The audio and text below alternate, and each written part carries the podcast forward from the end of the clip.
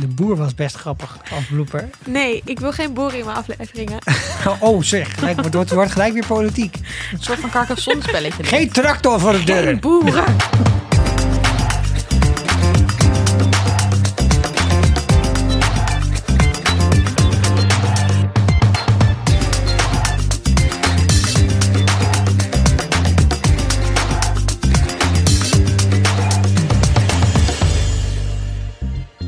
De Vierkante Ogen Show, jouw wekelijkse fanpodcast over popcultuur. In deze speciale aflevering bespreken we de nieuwe Netflix-film Enola Holmes, want wij zijn fan. Natuurlijk praten we nog wekelijks over de nieuwe aflevering van Undercover, maar af en toe doen we ook iets speciaals. Want we kunnen nog nauwelijks naar de bioscoop, de nieuwe James Bond is uitgesteld, Eh, maar gelukkig, gelukkig hebben we nog de streamingdiensten. En komt er af en toe nog een nieuwe hele grote film, gewoon bam, op Netflix. Gratis. Gratis. nou ja, als je abonnement hebt. Als je een abonnement Ja, of als je vader je abonnement betaalt al heel lang. Ik zit op Disney Plus van Esther. Ik ook. Ja. Iedereen mag lekker op mijn streamingsdiensten. Iemand moet even Amazon nemen, want dat heb ik nog Ik niet. heb Amazon. Dat, is- ja, je bent- dat, dat, Videoland, ik heb alles. dat is fucking goedkoop trouwens, viel mij op. Ja, dat- Kost geen bal. Esther was iets aan het zeggen. Maar deze week keken wij dus Enola Holmes op Netflix, waar we kennis maken met het jonge zusje van Sherlock Holmes. Maar ons afvragen, is ze echt zo'n vlammende de- detective als Sherlock? En is ze wel zo alone als haar naam doet vermoeden? Mijn naam is Anul Anna. Oftewel Anna Luna. Oftewel 1-0 Anna. Sikko. Sorry. Oh, ik ben echt tot op mijn zeventiende niet hiermee gepest. En ik wil er ook niet nu opnieuw mee beginnen. Ze is 30 hè, dames en heren. Ja, Begint er gewoon helemaal opnieuw. dat is wel oud. Oké, ik heet... Jij heet gewoon Sikko. Dat is gewoon al crazy. Ik heet Carrot Ockis. en dat, doet, dat betekent ook helemaal geen reet. Hoe heet jij? Ik heet Ener Retze. Leuk. Ja, dat is leuk hè? Oftewel Esther René, dat is mijn tweede naam. Voor we beginnen, even de aandacht voor het feit dat we de hele film hebben gekeken, Nola Holmes. En dat we dus alles gaan bespreken wat er in die film gebeurt. Mocht je nog niet willen weten wat er gebeurt eh, voordat je de film hebt gekeken, ga dan eerst even kijken en dan deze aflevering luisteren. Want we gaan eh, spoilers noemen. Ehm, Was het jullie opgevallen dat we een nieuwe tune hebben? Ja, mij wel. Ja, Dit vraag je aan de luisteraars, hè? ja want bij de vorige aflevering bij, eh, van Undercover die we deden, zat hij er gewoon in één keer in. Hebben we er helemaal niks over gezegd. Nee. Dat is omdat hij ook pas daarna is gemaakt. Maar ik vond hem eigenlijk wel lekker. Ik ook. Misschien moeten we ook even zeggen dat we ook nog een aflevering Undercover gewoon voor jullie maken. Dus dit is echt een special. Een Ja, wees niet bang. dingetje. Ja, We zijn er gewoon ook. ook met Undercover weer voor jullie. En ehm, als je nou zelf iets hebt waarvan je denkt, maak hier eens een special over. Laat het ons dan even weten via, eh, vriendvandeshow.nl slash vierkante ogen. Superleuk. En als je onze tune nou heel lekker vindt en je doet er nou een heel leuk dan dansje op, dan kan je dit ook opnemen. En dat Ja. op Vriend van de Show met Dat, ons dat delen. zou je inderdaad kunnen doen. Ik verwacht nu honderden inzendingen van mensen die op TikTok allemaal deze tune gaan dansen. Ja, en daaronder verloten we dan. Liefde van ons. Jemig, dit had je voor moeten bereiden. Ja, Zo werkt het ja, oké. Ik dacht misschien kunnen we gewoon nu iets spontaan onder druk dat we dan heel erg ehm, Netflix ineens abonnement? iets heel cools bedenken. Nee, Ja. ja. Mm, dat heeft iedereen al die dit luistert. Oké. eh, en naar de Homs, wat, wat vonden we ervan? Eerste reacties. Nou, even, toen ik zag dat het Enola Holmes heette, had ik eerst helemaal niet door dat het Holmes erachter stond. En bij mij is het woord Enola zo ongelooflijk sterk verbonden met Enola Gay. Namelijk het vliegtuig dat de eerste atoombom liet vallen. Dat het bij mij echt lang duurde om me te zetten naar het kijken van deze film. Want ik, het, het klopte gewoon niet met elkaar. Dus toen ik zei, oh my god, Enola Holmes, dat moeten we echt kijken en bespreken, dacht jij, Een "Huh, film over wanneer vindt Esther dit leuk? Nucleaire Leuk. wapens, weet ik veel. Ik snap hier niks Nee. van. Maar nee, het was dus Holmes waar we op, op hadden moeten focussen. Ja. Ik vond het dus best wel een leuke film. Niet fantastisch, maar gewoon wel prima. En ehm, ja, ik kijk meestal als er dan iets nieuws is met Sherlock, dan vind ik dat best wel leuk om even mee te krijgen, even te kijken. Maar ik heb bijvoorbeeld niet die films gezien met Robert Downey Jr. Wel de BBC Sherlock versie natuurlijk. En ik heb wel eens een verhaal gelezen van Sherlock, ehm, dus de oorspronkelijke boeken, maar echt niet allemaal.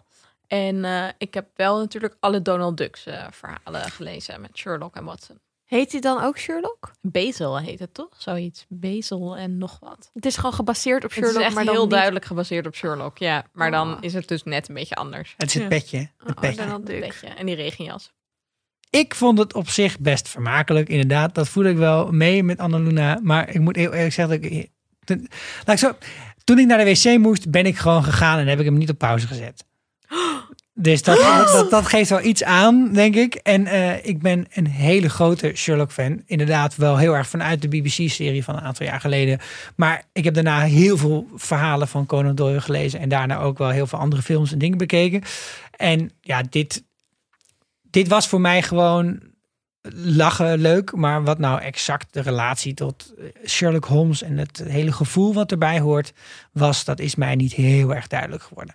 Want Conan Doyle is dus de schrijver van de Ja. boeken waar oorspronkelijk al die dingen die we over Sherlock hebben, een BBC-serie, films, op gebaseerd zijn. Maar hij heet toch gewoon Doyle is toch zijn achternaam? Want hij heet dus Arthur Conan Doyle. Maar Ja. zijn vader heette hm, hm, hm, Doyle. Dus Doyle is de constante. Dus volgens mij heet hij Doyle en niet Nou, nee, Conan gewoon Doyle. Maar die in ieder geval. Oké. Oké. Als iemand wel- met twee voornamen ben ik gewoon gevoelig op dit Ja, soort net dingen. als Millie Bobby Brown. Ah, Millie Ja. Bobby Brown. Hoe zit dat? Volgens is, mij die is gewoon... Brown dan haar achternaam? Brown is haar achternaam. Is gewoon Brown, oké. Ze heet Millie Bobby. Millie Bobby. Eh, ik vond het een eh, leuke film, vermakelijk. Gewoon lekker een, een zaterdagavondje Netflixen. Dat wel, ja, ja. Ehm, Het kijkt echt lekker weg. Het Ja. lekker weg. Ik, ik vind Millie Bobby Brown dus heel leuk. Dus alleen daarvoor al had ik het sowieso gekeken waar het dan ook over ging. Eh, maar ik ben ook wel echt een fan van het Sherlock Universe, zouden we kunnen zeggen. Dus ook wel de, alle films, de serie, af en toe wat boeken. Ehm, en zeker, ik ben het op zich wel met je eens. Het had wel wat, het raakte zo af en toe aan van die Sherlock-achtige ehm, dingetjes van, oh, het is toch dit of het is toch dat. Maar het zette niet helemaal door. Nee. Dus dat was wel een beetje Ik jammer. vond het echt anders dan Sherlock. En dat is ook misschien wel prima. Want het is ook goed dat je iets maakt een eeuw later en dat het heel anders is. Eh, Ja, maar als je dus echt op zoek bent daarnaar, dan is dit het niet. Nee. Maar we gaan het daar later nog wel even over hebben hoe het precies binnen de Doyleverse past. Ja, laten we het eerst even hebben over, wat, eh, over de film zelf. Wat vonden we het leukst, Sikko? Ja, dit is wel gewoon een, het is een period piece. Hè? Dus het zit echt in zo'n tijdframe ingebakken. En eh, dat hebben ze leuk uitgewerkt. En ze hebben er leuke onderwerpen bij gezocht. Het leukste vond ik die auto. Die vond ik echt fantastisch. Waar, waar, dit is, ja, dit is echt het een koets? Ja, precies. Nou, en je hebt dat nu ook wel met nieuwe technologieën. Dat mensen ook wel eens zeggen van... Maar dit, dit- is gewoon een oude technologie... maar dan met een nieuwe motor erin of zo. Dat, dat, dat is hier heel erg bij. Het is gewoon, is gewoon een koets, maar dan met de motor erin. Ik vond het echt fucking vet. Ik vond het ook cool dat er dan zo'n vrouw is die er dan op komt aanrijden. Heel erg tegen het stereotype in dat alleen Ja. maar mannen in die tijd met handschoentjes een Ja, beetje ja, in een soort En, eh, en wat, in deze tijd hoort ook een gevecht op een trein. Dat hoort er gewoon bij. Weet je, dat is in met westernfilms heb je dat en met dit heb je... je moet Het is een beetje Agatha Christie gemengd Ja. met Downton Abbey. Dat vond ik echt best wel leuk aan deze film. is dat ook met een gevecht op een trein? Dan Nou, in, eh, nee, in Downton Oh, Abbey nee, is dus ik wel zeg maar kijken. dan een koetsauto, waarin dan dus heel erg eh, controversieel is dat dan een vrouw die auto gaat rijden. Oh, want ja, daar ja, heb je een chauffeur voor. Ja, ja, ja. Ja, en dan krijg je natuurlijk een romans met die chauffeur, want zo Serieus, gaat hoe dat. kun je dat niet willen besturen, Nou, zo'n ding? je En voor, je, dus- je, woont, je leeft in die tijd en er komt iemand die zegt... ik heb trouwens een paardenkoets, heb ik een motor ingezet. En dan zeg je, oh nou, rij jij maar. Echt niet. Ik denk niet dat het enig is in die tijd waar vrouwen dachten, hoezo mag ik dit niet en jij Nee. wel? Oh, is dat misschien het thema van de film, Esther? Jeetje. Nou, dat was iets wat ik nou heel leuk vond. Oh ja, joh. Had ik helemaal niet zo verwacht toen ik de film ging kijken. Dat ook heel erg dat ja, de vrouwenbeweging, de suffrage- suffragettes uit die tijd, dat dat er heel erg in zat. Ja. Had ik wel wat meer gemogen nog van mij. Dus een van de leukste mensen vond ik ook Edith. Dat is die vrouw die boven de tea room een soort jiu-jitsu eh, klas, eh, heeft. Echt leuk. Ik vond het echt heel leuk dat dat politieke erin zat. Daar hou ik ook altijd wel van in, in series en films. En eh, ja, we hadden ze wel goed verweven met het verhaal. Ja, ik vond dat dus ook heel erg leuk. Dus dat je de hele tijd speelt met... oké, vrouwen mogen dit wel, vrouwen mogen dit niet. En ze bedenken gewoon iets anders wat ze dan maar gewoon gaan doen... terwijl het niet mag. En ik vond het ook heel erg leuk dat het daar best wel vaak echt expliciet over ging. Ook bijvoorbeeld als ze zo die make-over scène heeft... vond ik heel leuk over dat corset. Van ja, dit is toch een soort van instrument van vrouwenonderdrukking... wordt het heel vaak gezien. Maar dan is ze van, maar nu kies ik er zelf voor. En nu wil ik het gewoon. Ja, En dan doe ik daar mijn geld in en vet chill. En ik vond het ook heel leuk dat dan uiteindelijk natuurlijk het die jongen redt. En dat hij dan dus dat cors- corset aan heeft. En dat het een soort subtiele manier van crossdressing is. Maar hij heeft niet dat corset aan. Volgens mij heeft hij een stukje van de eh, ja, hij heeft een stuk van van zo'n ridder. buste, eh, ja. Zo'n armor heeft hij aangetrokken, een harnas. Nee, Ja. volgens mij is het een corset. Want het is dan toch dat zij zeg maar neergestoken wordt met een mes. En dan ziet, ziet hij dat. En dan denkt hij van, oh, corset, best wel handig. En heeft hij daarna oh, zelf zo een corset Ja, ja. En dus heeft hij, dus heeft hij dat. eh, Nee, maar hij ziet dat niet, dat zij wordt neergestoken in het corset, want hij is daar helemaal niet bij. Oké, nou, in mijn hoofd was dat gewoon Eh, heel leuk. maar ik dat was echt het favoriete het stukje van de film in mijn hoofd. Maar het zegt wel veel dat ik het zo verzonnen heb dan. Want eigenlijk was het plot dus gewoon niet zo heel erg goed doordacht. Ja, dat is wel. Ik merk ook wel dat een aantal dingen die wij noemen gaan niet per se heel erg over het plot. We kregen ook wel vragen over het plot. Ja, want er waren best wel veel dingen gewoon net niet echt goed uitgewerkt. Ja, ja dus een concrete vraag kregen wij binnen van, van luisteraar Guido. Ehm, en die vroeg, wat wilde je Doria nou eigenlijk opblazen? Dat was de grootste vraag waar hij mee bleef zitten.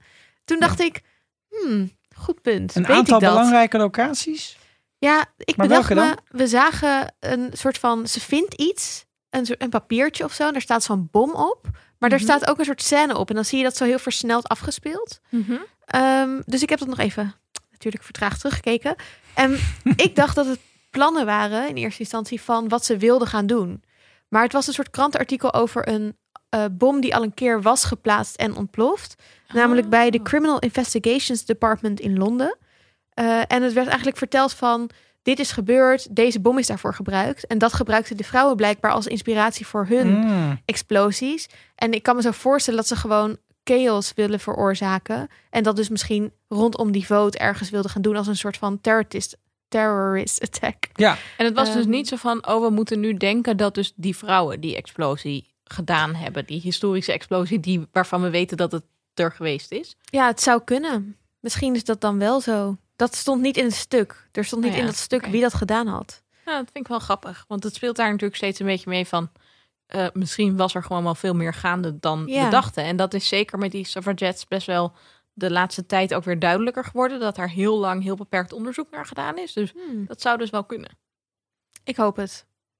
Ja, plot eh, dus moi. maar laten we het even over de personages hebben. Vooral omdat ik natuurlijk wil praten over Millie Bobby Brown. Ik vind haar al fantastisch sinds Stranger Things. Eh, oh, zat ze daarin dan? Daar zat ze in, ja. Speelt ze Eleven. Ehm, hele andere rol trouwens. Het was duidelijk dat ze iets meer glamour, eh, glamour wilde. Ze is ook producent van, de, van deze film. Wat houdt dat dan Ehm, in? Ja, ik heb het een beetje geprobeerd uit te zoeken. Maar het is vooral dat ze met... vooral dat ze er heel veel aan verdiend heeft. Nee, dat ze met casting bijvoorbeeld... Bijvoorbeeld die Lord Tewkesbury. Mhm. Zij was bij al die audities en dan ging ze een soort van kijken wie dan het beste. Of normaal kijken ze natuurlijk altijd wel wel naar chemistry, maar zij ging dan ook echt mee bepalen wie dat dan werd. Vind ik hem hot. Basically. Oké, cool. Could I do him? Hmm. Nee, oké. Millie Bobby Brown is 16 jaar oud. Heeft het lekker voor elkaar zoals het doet? Wat? Is ze echt 16? 16. Wow. Bizar, hè? Ja. Ja. dat is echt heel jong. Ik volg haar op, op Instagram ook. En echt, ze heeft al haar eigen ehm, make-up lijn, een sieradenlijn en weet ik wat. Het is echt een soort van jong wonderkind. Mogul. Ja, Maar ik bedoel, Maisie Williams is ouder. ja. Arya in, eh, in Game of Thrones, ja. Nee, het is Heeft hij hij ook een make-up lijn? Want dan wil ik die. nee? Het is een soort faceless. Faceless. faceless man. You, you can be anybody. Zo, dat zou ik haar, Ja, haar, make-up lijn noemen. Barney-lijn. Dat is. Oh, chill. Ehm, maar naast Millie had ik nog een, eh, een personage dat ik heel leuk vond. En dat is Edith. Ik noemde hem er al even. Dus die ehm, in de tea room werkt. Ja, En er is één eh, quote in de, in, de, eh, in de film die eigenlijk soort van representeert waarom ik haar awesome vind. We hem even luisteren. You haven't any hope of understanding any of this. You do know that? Educate me as to why. Because you don't know what it is to be without power. Politics doesn't interest you. Why? Because it's fatally boring. Because you have no interest in changing a world that suits you so well. A pretty speech. A scary one. You're intelligent enough to know that every word of it is true. Ja, dit is dus ook meteen een meme geworden die ik al meermaals op eh, Twitter terug heb zien komen onder ehm, een soort van suffe opmerkingen van mannen. Eh, eh, ik, ik vind het heel grappig. Ik ook. Ik vond het echt een heel chill momentje. Ja. Ik vond trouwens, ze deden leuke karakterbeelden met haar natuurlijk. Met haar moeder samen aan het begin. En dan laten zien eh, hoe stoer ze is en hoe slim ze is. Ik kreeg een klein beetje een gevoel van de Da Vinci Code daarbij. Hè? Dus daarin is ook, ook Sophie is ook door haar opa getraind om puzzels op te lossen en dat soort dingen. Dat, en dat gevoel heb ik niet heel erg af kunnen schudden de rest van Nou, de vooral film. een beetje dat je denkt, nou wat knap dat jij zeg maar als puzzel op kan lossen. Dat je letters achter voren zet. Hey, lekker Echt bezig. top. Ja. Dat wel echt montage vibes ook. Ja. Ja. dat vechten. Vond ik heel Nou, en dat vechten, dankjewel. Want daar, zij zei er maar wel dingen te vechten en met het zwaarden. En met die, met, ze was ook boogschieten aan het doen. En dat is ook zo'n veel- zo'n foto die dan heel veel gebruikt is in de reclame voor deze film. En toen dacht ik echt zo, maar waarom schiet ze dan nooit boog verder in die film? Hmm. Dus er zitten wel best wel veel van dat soort vechtscènes in waarvan ik denk, ja, die kun je ook wel vervangen met andere. Hè, dat is in elke andere film. Maar in een stad- omdat het gewoon niet zo praktisch is om in de stad boog te schieten. Met een boog lopen. Weet je, probeer eens wat uit. Ja, Oké. in plaats van dat, dat, dat gehossel op de grond. Nou ja, een maar beetje Sikko, dat weet je, dan is het ook weer niet goed. Als er dan brandende pijlen zijn, ga je ook zeuren. En dan zijn mensen een beetje van, nou hè, proberen we eens wat nieuws. Ik vroeg ook helemaal niet om brandende pijlen. Ik vroeg gewoon om boogschieten. Maar verder, ik, er zaten andere leuke personages in. Kijk, als je zo'n film kijkt eh, die, waar Holmes in de titel staat, ga je natuurlijk kijken wie is wie en wie past er bij wat. En wat ik leuk vond, is dat ze Lestrade op een interessante manier erin hebben gezet. En hij is natuurlijk... Die de- politieagent. Ja, hij is, hij is van Scotland Yard natuurlijk. En hij is degene die altijd als me misgaat of niet lukt, dan gaat hij naar Sherlock Holmes toe. En dat is eh, in sommige films en series beter uitgewerkt dan andere. Maar hier had, had, was hij ook op een gegeven moment ook echt een bad guy. En dat vond ik heel erg leuk hoe ze dat hadden bedacht. Dus ik vond de invulling van die rol heel erg leuk. En dat zat ook echt in, deze, in dit kleine momentje waarin ze dus proberen binnen te dringen in haar kamer, in haar huis. Zegt zij eigenlijk een soort meta-dingetje over de rol van Lestrade. Inspector Lestrade! I need to report an attempted murder! Ja, dit is wat mij betreft gewoon een leuk, een goed gebruik van, eh, van het materiaal wat er is. En eh Lestrade had ook eh, zijn eigen karakter, zijn eigen invulling goed gedaan. En de andere die ik heel erg leuk vond, was de grootmoeder. Ja, die was heel die leuk. vond ik super De dowager. Dowager. Ja, en, en eh Dowager betekent dat ze dus eh, al weduwe is en eh, de hoofd van de familie in dit geval. Voor mijn gevoel in ieder geval. Ja, in Alle- Downton Abbey is zij gewoon de bazige vrouw. Ik wou net Ja, zeggen, zij zit alle, daar ook in. Alle, Oh, nee. alle kijkers van Downton Abbey kennen de Dowager. De- die wordt dan gespeeld ja. door McGonagall. Dus dat is Oh ja, een epische Maggie Smith. rol. Oh, ja. Ik weet niet precies wie deze mevrouw is. Ik, ik meende haar te herkennen. Ik dacht heel even dat het de Queen was uit The Crown. Dat dacht ik ook. Ik dacht dat een Ja. paar keer, is dit de Queen? Ja, maar nee, het is maar niet, dat kwam eh, door haar stem vooral. Want, want qua gezicht, dan moet er wel een hele grote laag plamuur op. Wil je eh, zeg maar, iemand van die leeftijd zo oud laten lijken. Maar ja, zij was natuurlijk wel echt. Een, een, een, dat is zo iemand, daar, dat is een rots, hè? midden in de branding. Daar kun je eigenlijk de hele film wel een beetje omheen bouwen. Omdat ze zo geloofwaardig die rol speelt. En zo. Eh, Net zoals Millie bedoel je. weet je wat, dan zijn dat de twee powervrouwen van deze film. Esther, wel zijn we dan blij? En Edith. Dan zijn we blij. En Hadden we ieder. er drie. Ehm, ik vond, eh, nou ja, want jij zei al van, waar ken ik er nou van? Is het The Crown? Maar het is dus uit Harry Potter misschien wel. Want ze speelt ook Madame Malkin in eh The Deathly Hallows, weet je wel? Dus dat is de vrouw die dan die kleding, Oh. de wizarding robes op maand maakt. Zo. Ja, Is dat Nou. in de Deadly Hollows? ja want dan als dus, ehm, ja, nou ja. toch goed, in deel Weet één? ik veel. Oh, in de ja. Deathly Hollows deel 1 zit ze dus blijkbaar. Maar inderdaad, Harry en Malfoy ontmoeten elkaar in deel 1.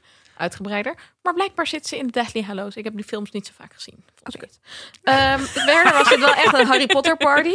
Ja. Ehm, we zagen natuurlijk ook Helena Bonham Carter. Die ehm Lestrange, Bellatrix Lestrange. Niet iets anders dan met- Lestrade.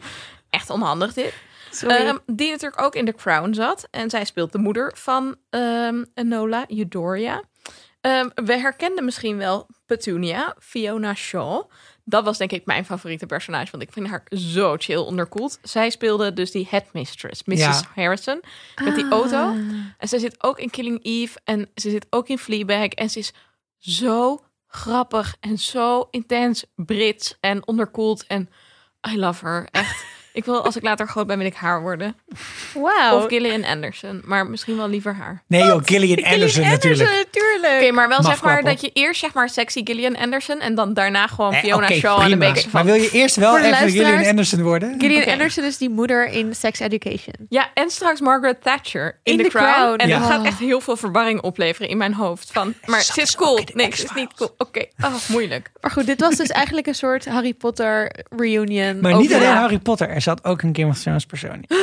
Oh my god, wat? En ik zat echt even. Ik, en dit, dit wil ik even gezegd hebben. Ik heb hier IMDb niet voor gebruikt. Maar die gozer die de hele tijd dus Millie Bobby Brown in elkaar staat te beuken. Die in de Daarvan, bowler hat. daarvan dacht ik dus de hele tijd.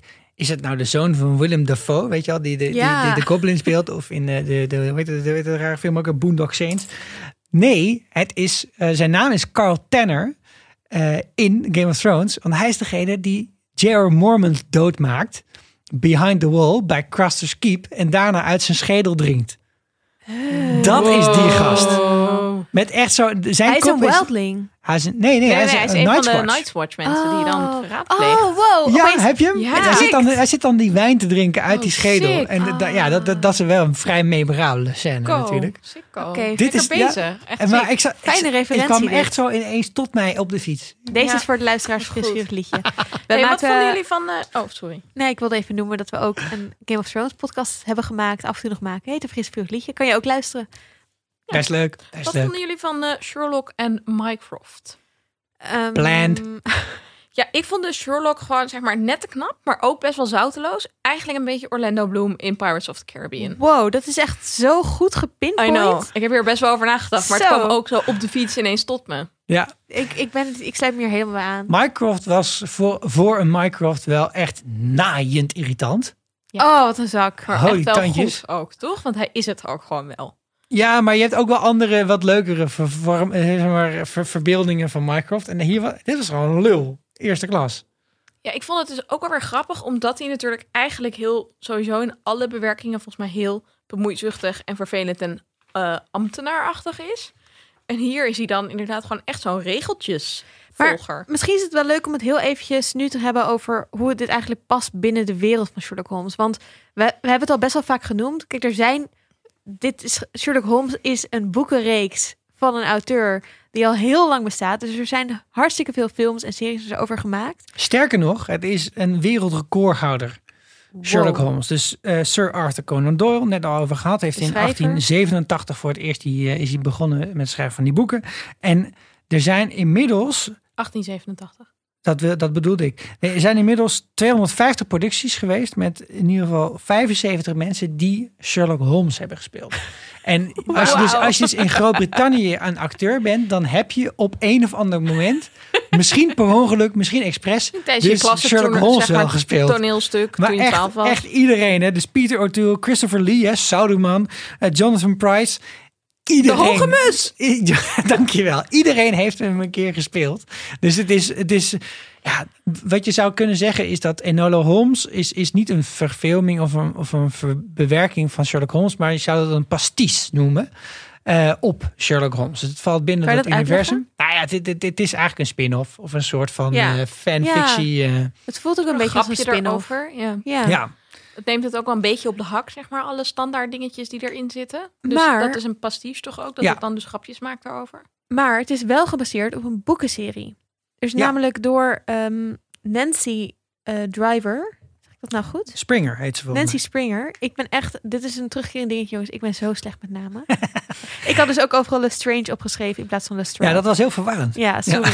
Maar meestal is het Sikko die alle namen verbastert in het document. Zullen we doorgaan? Ehm, ja, goed. Het is dus een boekenreeks. En eh, eh, het eerste deel heet ook The Case of the Missing Marquis. Dus dit is ook duidelijk gebaseerd op het eerste boek. Ehm, en het zijn boeken geschreven door een vrouw. Ze zijn redelijk recent. En ik snap wel dat iemand die boeken zat te lezen en dacht... Nou hebben we honderdduizend verfilmde Sherlock Holmeses... maar geen enkele verfilmde Enola Holmes. Dat gaan we doen. Ja, nou ja, het is ook natuurlijk opvallend dat van alle verfilmingen van Sherlock Holmes het allemaal altijd mannen zijn. Terwijl het dan niet, ja, het staat wel min of meer in de, in de omschrijving, maar het is niet per se nodig.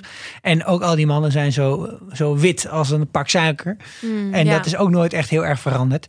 Dus ik snap ook wel dat daar misschien een tegenhangertje voor dat zou lijkt kunnen. me leuk. Gewoon een niet-witte Sherlock. Ja, nou ja, dus nu een Lestrade die niet wit is. En, Ja, eh, maar dat is het ook wel ongeveer in deze film. Voor Netflix begrippen nog eh, erg eh, gematigd. Ja, nauwelijks divers, hè? Ja, Precies, meestal doet ja. er ook wel een paard mee. Casual biseksuele scène heb je meestal ook wel in Ja. eh, Netflix, maar nee.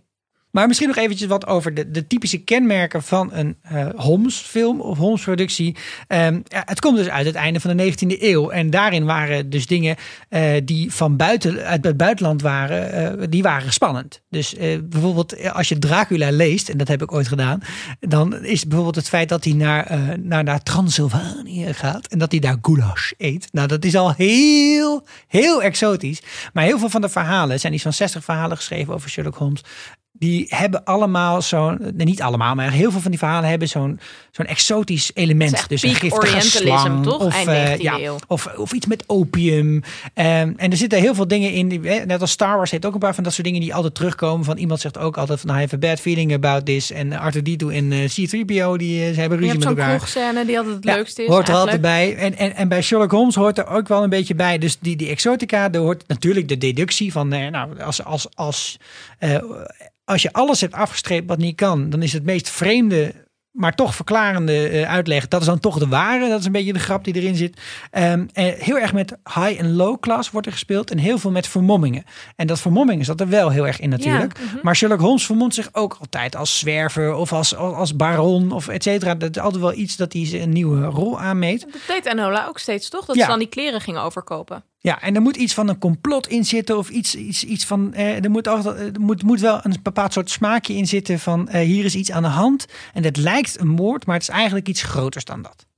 Ik moet meteen denken aan die scène dat zij in die koets zit en gaat uitleggen waarom ze helemaal in het zwart verkleed is. En ook echt super over de top. When looking to travel incognito, it's safest to travel as a widow. People are always anxious to avoid conversations about death. Widows scare them. And there's no better disguise than fear. Maar er zijn natuurlijk ook dingen die we missen in deze, eh, in deze pasties. En eh een ervan is eh, 221 Baker Street. Er hoort wel gewoon een plek te zijn waar, die, waar Holmes woont en waar je naartoe gaat. Maar dat zat er niet in. Eh, Mrs. Hudson miste ik daar natuurlijk. Want Wie is dat? dat is de, de, de, de, ja, housekeeper, toch? De housekeeper, Zeg maar. zeg maar. de, De landlady. Ja, de, de, de, de, ja, de huurbaas van eh, Sherlock Holmes. Maar ook een soort van, eh de, wel degene die ook kookt af en toe. Zijn moederfiguur. Ja, zijn moederfiguur. En die ook altijd, die eigenlijk dan achteraf heel slim blijkt te zijn. Elke keer zoals in weer. Baantje. Die Ja? vrouw die dan altijd zo op het Ja. eind zegt... Nou, het was toch wel heel verdrietig, hè? Nee, en wat er ook niet in zat was Moriarty, de grote aardsvijand van Holmes. Maar ja, dat hoeft misschien ook niet, omdat het dit Enola betreft. Eh Dr. Watson zat er niet in. Maar ik vond wel dat Enola misschien zelf wel op een gegeven moment Dr. Watson was. Ze deed zich namelijk bij, in dat, eh, bij die rijke lui, deed ze zich voor alsof ze een soort eh, hulp was. was. Oh ja. van Sherlock Holmes. Ja. En daarin dacht ik, nou, dan is ze misschien daar wel Watson. Nou Misschien. ja, het is wel een meta-grapje, denk ik, naar Watson. Ja, maar er zitten heel veel metagrapjes in. En er zitten ook eh, niet zoveel als ik had gewild. Misschien zitten er metagrapjes in. Maar er zit er wel best wel wat Ja. in. En op een gegeven moment dacht ik ook door eens een opmerking dat ik wist wat het plot was. En dat was de volgende. Who are you working for? Who do you work for?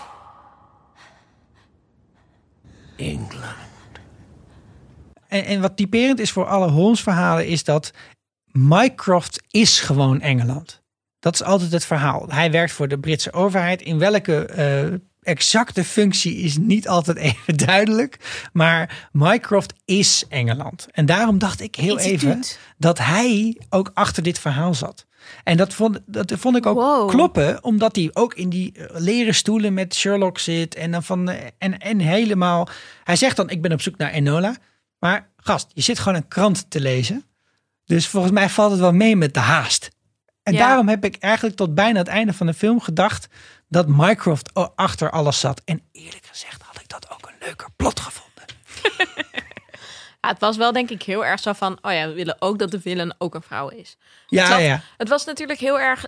ehm, ik vind het dus wel leuk dat het dat als uitgangspunt heeft. En ook ehm, dat ze natuurlijk in Sherlock. De oorspronkelijke dingen zijn best wel apolitiek. Er zitten wel wat dingen in, high class, low class, dat soort dingen. Maar het is natuurlijk best wel apolitiek. En dat komt terug in dat fragment van Edith, wat we eh, vrij snel lieten horen.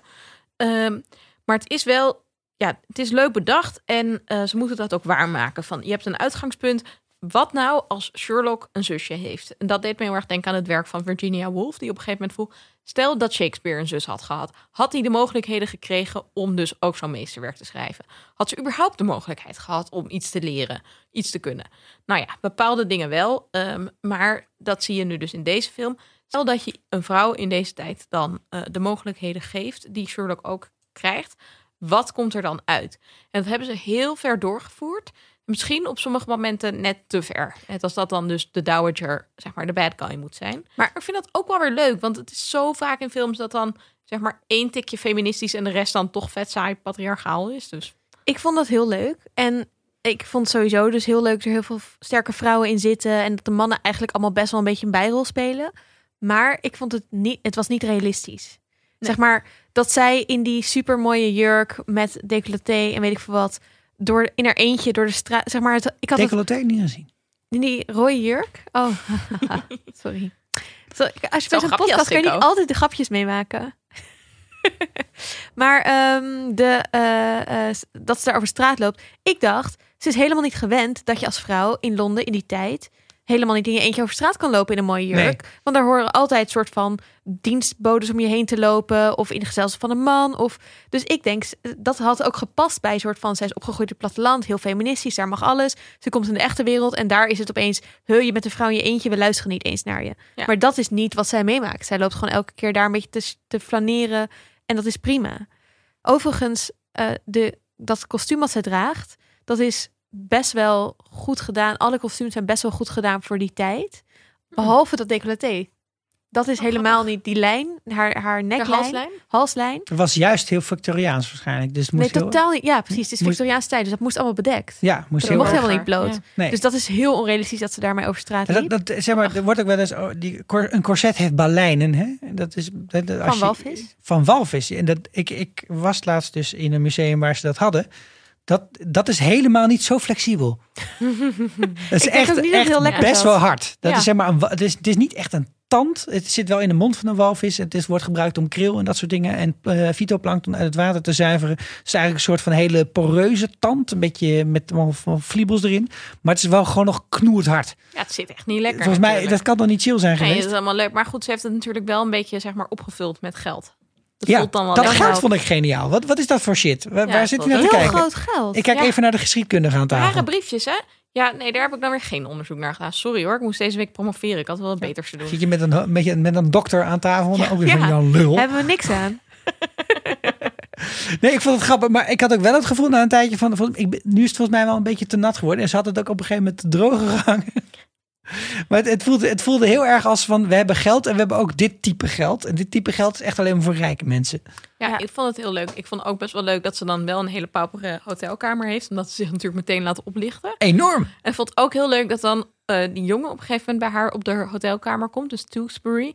En dat hij dan eronder goed ziet hangen. En dat het een heel ongemakkelijk moment is. Ja. Maar eigenlijk ook omdat het gewoon... Ik weet ook nog wel dat het dan in mijn studententijd... dat je dan net de was op had gehangen. En dat dan al je ondergoed daarin... En dat dan iemand kwam die dacht... Oh ja, oeps.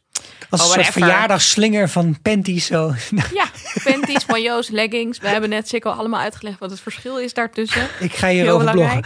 Maar wat ik wel nog grappig vond, is dat die Tewksbury en zij...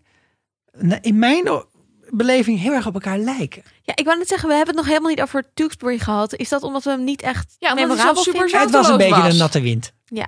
Lulletje rozenwater. Dat is misschien het betere woord voor. Mhm. Maar ik, ik zag ze wel zo naast elkaar. Beetje vergelijkbaar neusje, een beetje vergelijkbare complexiteit. Volgende, volgende film. Ze zijn broer en zus. Misschien, maar ik had eerder verwacht voor deze film dat ze misschien even van, van, van mijn rol zouden wisselen. Dat had ik eigenlijk wel Ja, logisch dat gevonden. Omdat zij de hele tijd ook een soort jongetje is eh, Ja. in het begin van dat verhaal. Ik, nou, dat, dat zou prima kan zij, gaan eigenlijk st- zij had kunnen gaan stemmen. Bijvoorbeeld. Wow, dat was leuk geweest. Was misschien er nuttiger Ze had een super vette speech kunnen geven. Dat hij dan een Wow. spraakgebrek had en dat zij dan niet gaat speech gaat Dat vlammen. was echt en een dan, veel beter wow. verhaal geweest. Oké, Netflix. We willen dus best wel ingehuurd worden om het volgende verhaal te schrijven. Ja, of om aan het einde, aan vlak voordat je klaar bent met het productieproces, nog even overheen te kakken. Dat zijn we misschien net iets beter in nog. Ja, maar ja, oké, ja kan. Ja. Ik heb ook nog wat dingen uitgezocht over de historische context. Want ik zei het al eerder, ik vond het leuk dat het over de vrouwenbeweging ging in Engeland in die tijd. Maar ik dacht, is dit eigenlijk echt gebeurd? Wat was dat voor belangrijke vote waar die ene stem zo het verschil maakte? Ehm, ja, dat is dus echt gebeurd.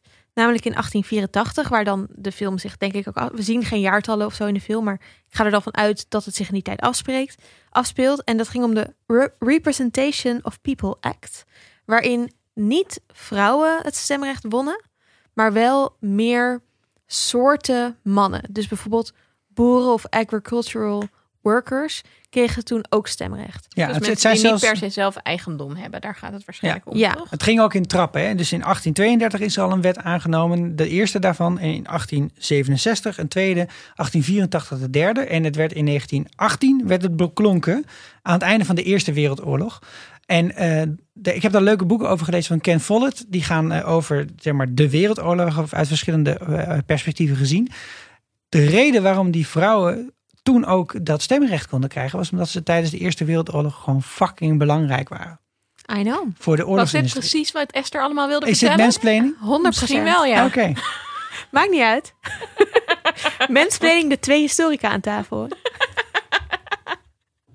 Ehm, maar eh, ja, dat dus. In eh, 18, eh, 1918. In 1928 trouwens kregen pas echt alle vrouwen stemrecht. Is Mansplaining verschil jou dan? weer even. Want in 1918 kregen alleen vrouwen boven de 30 stemrecht. En pas vanaf 1928 Ah. ook vrouwen onder de 30. Dus Enola had niet kunnen... Nou ja, wel, wel in 1918, want was er waarschijnlijk al... Even rekenen. dat kan ik niet zo goed, helaas. Eh, wat ik trouwens ook nog wel leuk vond, is dat eh, we zien... eh, we hadden het er net al heel even over dat Enola in, dat, in die eh, Limehouse Lane of zoiets... daar is zo'n plek waar de, de suffragettes dan... of in ieder geval haar moeder en, en die, die vrouwengroep waarin zij in zit... bommen aan het maken waren. En daar pakte ze dan een pamflet op waar ook iets staat over bijeenkomst, vrouwen. En daar staan drie namen op, namelijk Amy Hicks, Gwyneth Vaughn en Margaret Macmillan. En dat zijn ook de drie, drie namen van vrouwen die echt in de eh, vrouwenbeweging actief waren. Namelijk een eh, union organizer, een lid van de eerste Socialist Party, ehm, een eh, feministische schrijver en een activist voor de Improved Conditions for School Children. Dus er zitten ook nog wel echt historische verwijzingen in de film naar die beweging. Eh, wat best wel leuk is. Maar ja, het is wel echt alleen maar zichtbaar als je hem stopzet en dan dat pamflet gaat lezen. Maar toch, voor de Maar, mensen die maar dat ze doen. zijn nooit echt terroristisch geworden, toch? Nee, niet dat ik kon vinden. Dus het is meer een soort van ehm, ja, chaos creëren, eh, eh, het publiek debat claimen. Maar er zijn, geen een, er zijn niet enorme moorden gepleegd. Of Nee, toch? Nee. Oh, ik dacht dus juist dat er echt best wel recentelijk een boek uit was gekomen van een historica. Fern Riddle heet ze, geloof ik. Die dus juist wel laat zien van... er zijn heel geradicaliseerde suffragettes die dus ook geweld plegen. Oké, misschien heb ik dan, eh, zeg maar, dit is niet een eh, academisch onderzoek wat ik hier heb gedaan. Nee, I stand corrected. Dus dit was zeg maar wat ik op Twitter had gezien. Dus, Laten we gewoon even wachten op een man die het even echt uit moet leggen. Ja, goed, Sikko. Maar wat ik dus ook nog wou zeggen, was dat ik het eigenlijk best wel opvallend vind dat je zo weinig ehm, films en romans bijvoorbeeld hebt over die suffragettes. Dus dit is een van de eerste dingen waarvan ik denk, oh ja, in het publieke domein een soort van populaire ehm, engagement met dit verhaal. En dat is echt opvallend. En toen dacht ik, laat ik eens even googlen. Toen bleek er dus gewoon echt twee jaar geleden een film uit zijn gekomen. Die heet The Suffragettes. Met Helena Bonham Carter en Meryl Streep. Wat? Die Ja. wil ik nu vet graag kijken. Ja, ik ook. Ik had wel echt tijdens het eh, kijken van deze film, ik dacht, dit is zo slim. Want je hebt gelijk, ik, ik weet hier super weinig over eigenlijk. Dit is niet echt een ding in popcultuur. Maar het past zo goed bij de jongeren van nu. Want dit is eigenlijk best wel een film voor jonge mensen, denk ik eigenlijk.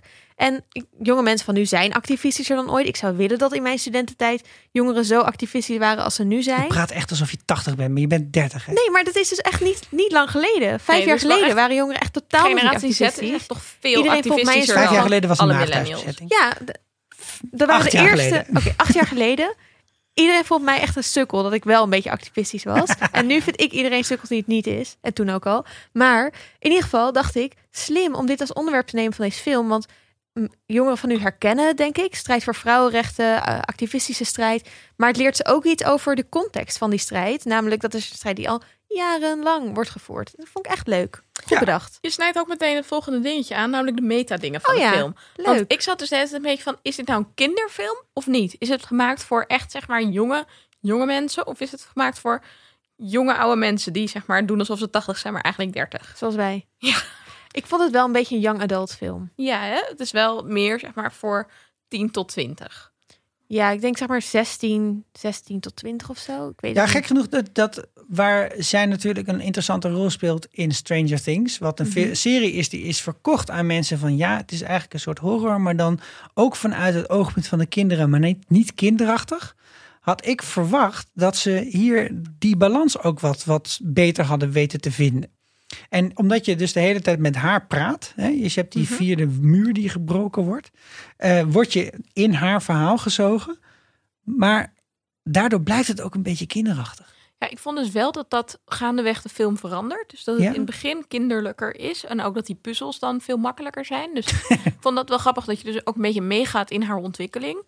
Maar ik had nog steeds wel dat ik dacht, ja, maar goed, ze blijft dus wel 16. Wat ook klopt, want die actrice is 16. Ja, het is ook wel een beetje wat we aan het begin zeiden. Dat het plot is gewoon een beetje oppervlakkig of zo. Of het is Ja. niet echt... Je Daar wordt niet weggeblazen door het plot. nog even een miljoen tegen aangemoeten. Dat het even één iemand met een rode pen er doorheen was gegaan. Maar ik vond wel dat je heel erg kon zien juist dat er heel veel geld in die film zit. Ja, dus dat het is bijna overgeproduceerd, vond ik. Ja. Ja, Overigens, je noemde het al even, de, de breaking the fourth wall. Dus dat is dat zij steeds in de camera tegen ons als kijker praat. Wat vonden jullie daarvan? ik vond het best wel grappig. Ehm, ik hou er wel van. Het is natuurlijk, ik ken het heel erg van The Office, waarin dat natuurlijk niet een, ehm, een, een fourth wall dingetje is, maar meer een soort van mockumentary. Ik vind dat heel leuk en ik mis ook comedy-series die in die stijl gemaakt worden. Tot Fleabag kwam.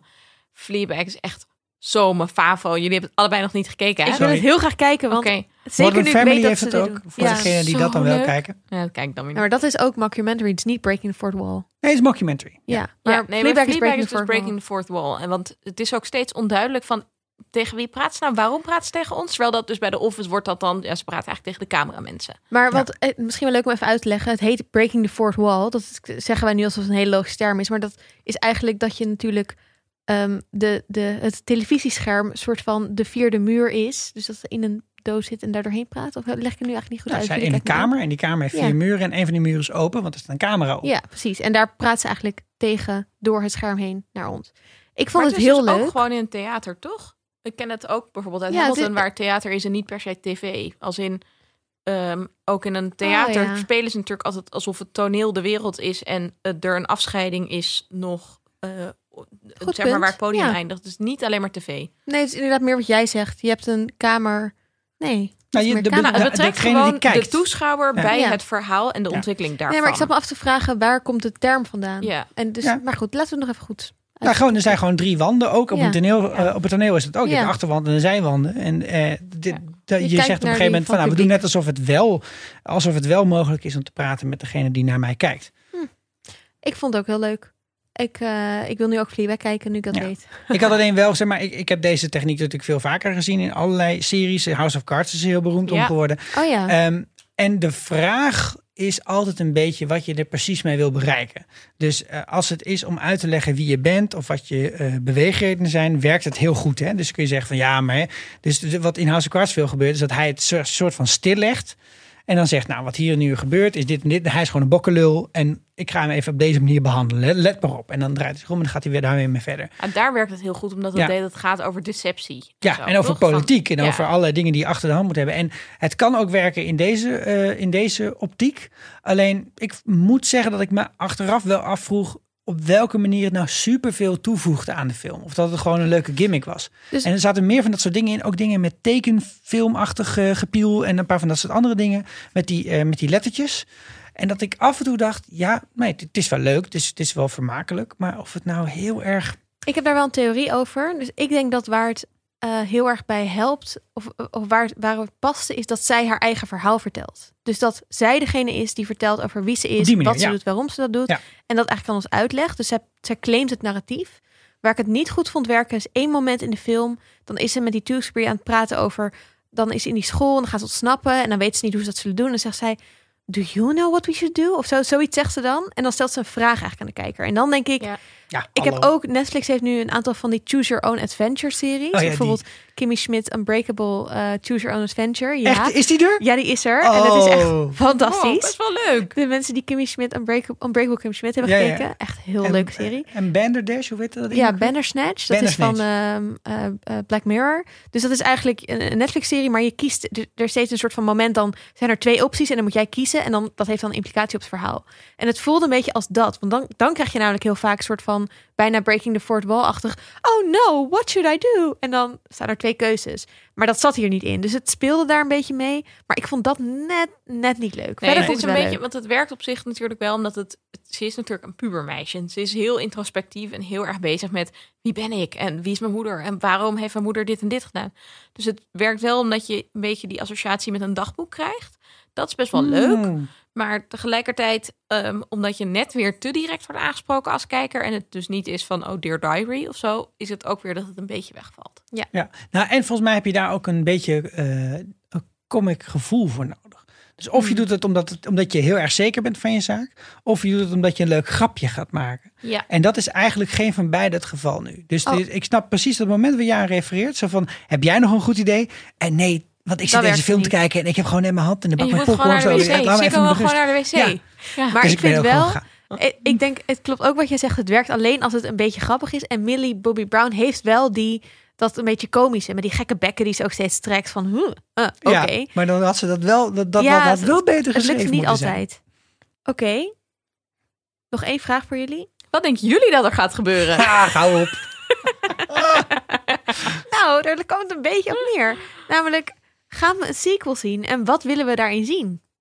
Ja, ik vond het wel heel duidelijk opgezet. Als in van oké, er komen meer verhalen. Ja, toch? Een beetje van, oh, en nu, ik ben een soul searcher. Of een finder of lost souls. Gaan ze trouwen met Tewksbury? Dat kregen we van een van onze luisteraars ook mee. Oh ja. Van ja, ehm, toch wel typisch dat dit dan een heel feministisch verhaal is. Maar dat er uiteindelijk toch ook een soort romance in Ja, verwerkt dat zit. ze toch weer verliefd wordt op het eerste jongen die ze tegenkomt. Ja, in de leven. letterlijk de eerste. Serieus. Ja, come on people. Nou, ik hoop dat er een vervolg komt dat het dan zo is van... Oh ja, Tewksbury. pff, ik heb inmiddels tien hele leuke lovers. Dat lijkt me grappig. Nou, ik Ja. hoop heel erg dat er een Watson komt. En dan ben ik heel benieuwd of het een man, een vrouw of een queer persoon is. En ik hoop ook, want het ging net over Dash, dat hondje, dat nephondje dat zat. Ik hoop ook dat er een echte Dash komt. Natuurlijk. Een echt hondje. Ik moest ook net Ik ga aan ook The zo'n, Incredibles denken bij Dash. Ja, ik ook. Zo leuk. Maar ik ga ook zo'n eh, zo- zo- zo'n pineapple, heet zo'n ding, een dennenappel kopen voor mijn zoontje. Kopen, hè? Ja, want Kopen. ik woon in Amsterdam. Luxe. Bij de houten speelgoedwinkel ik we gewoon Nergens een van Rutte. Gochem, de houten speelgoedwinkel.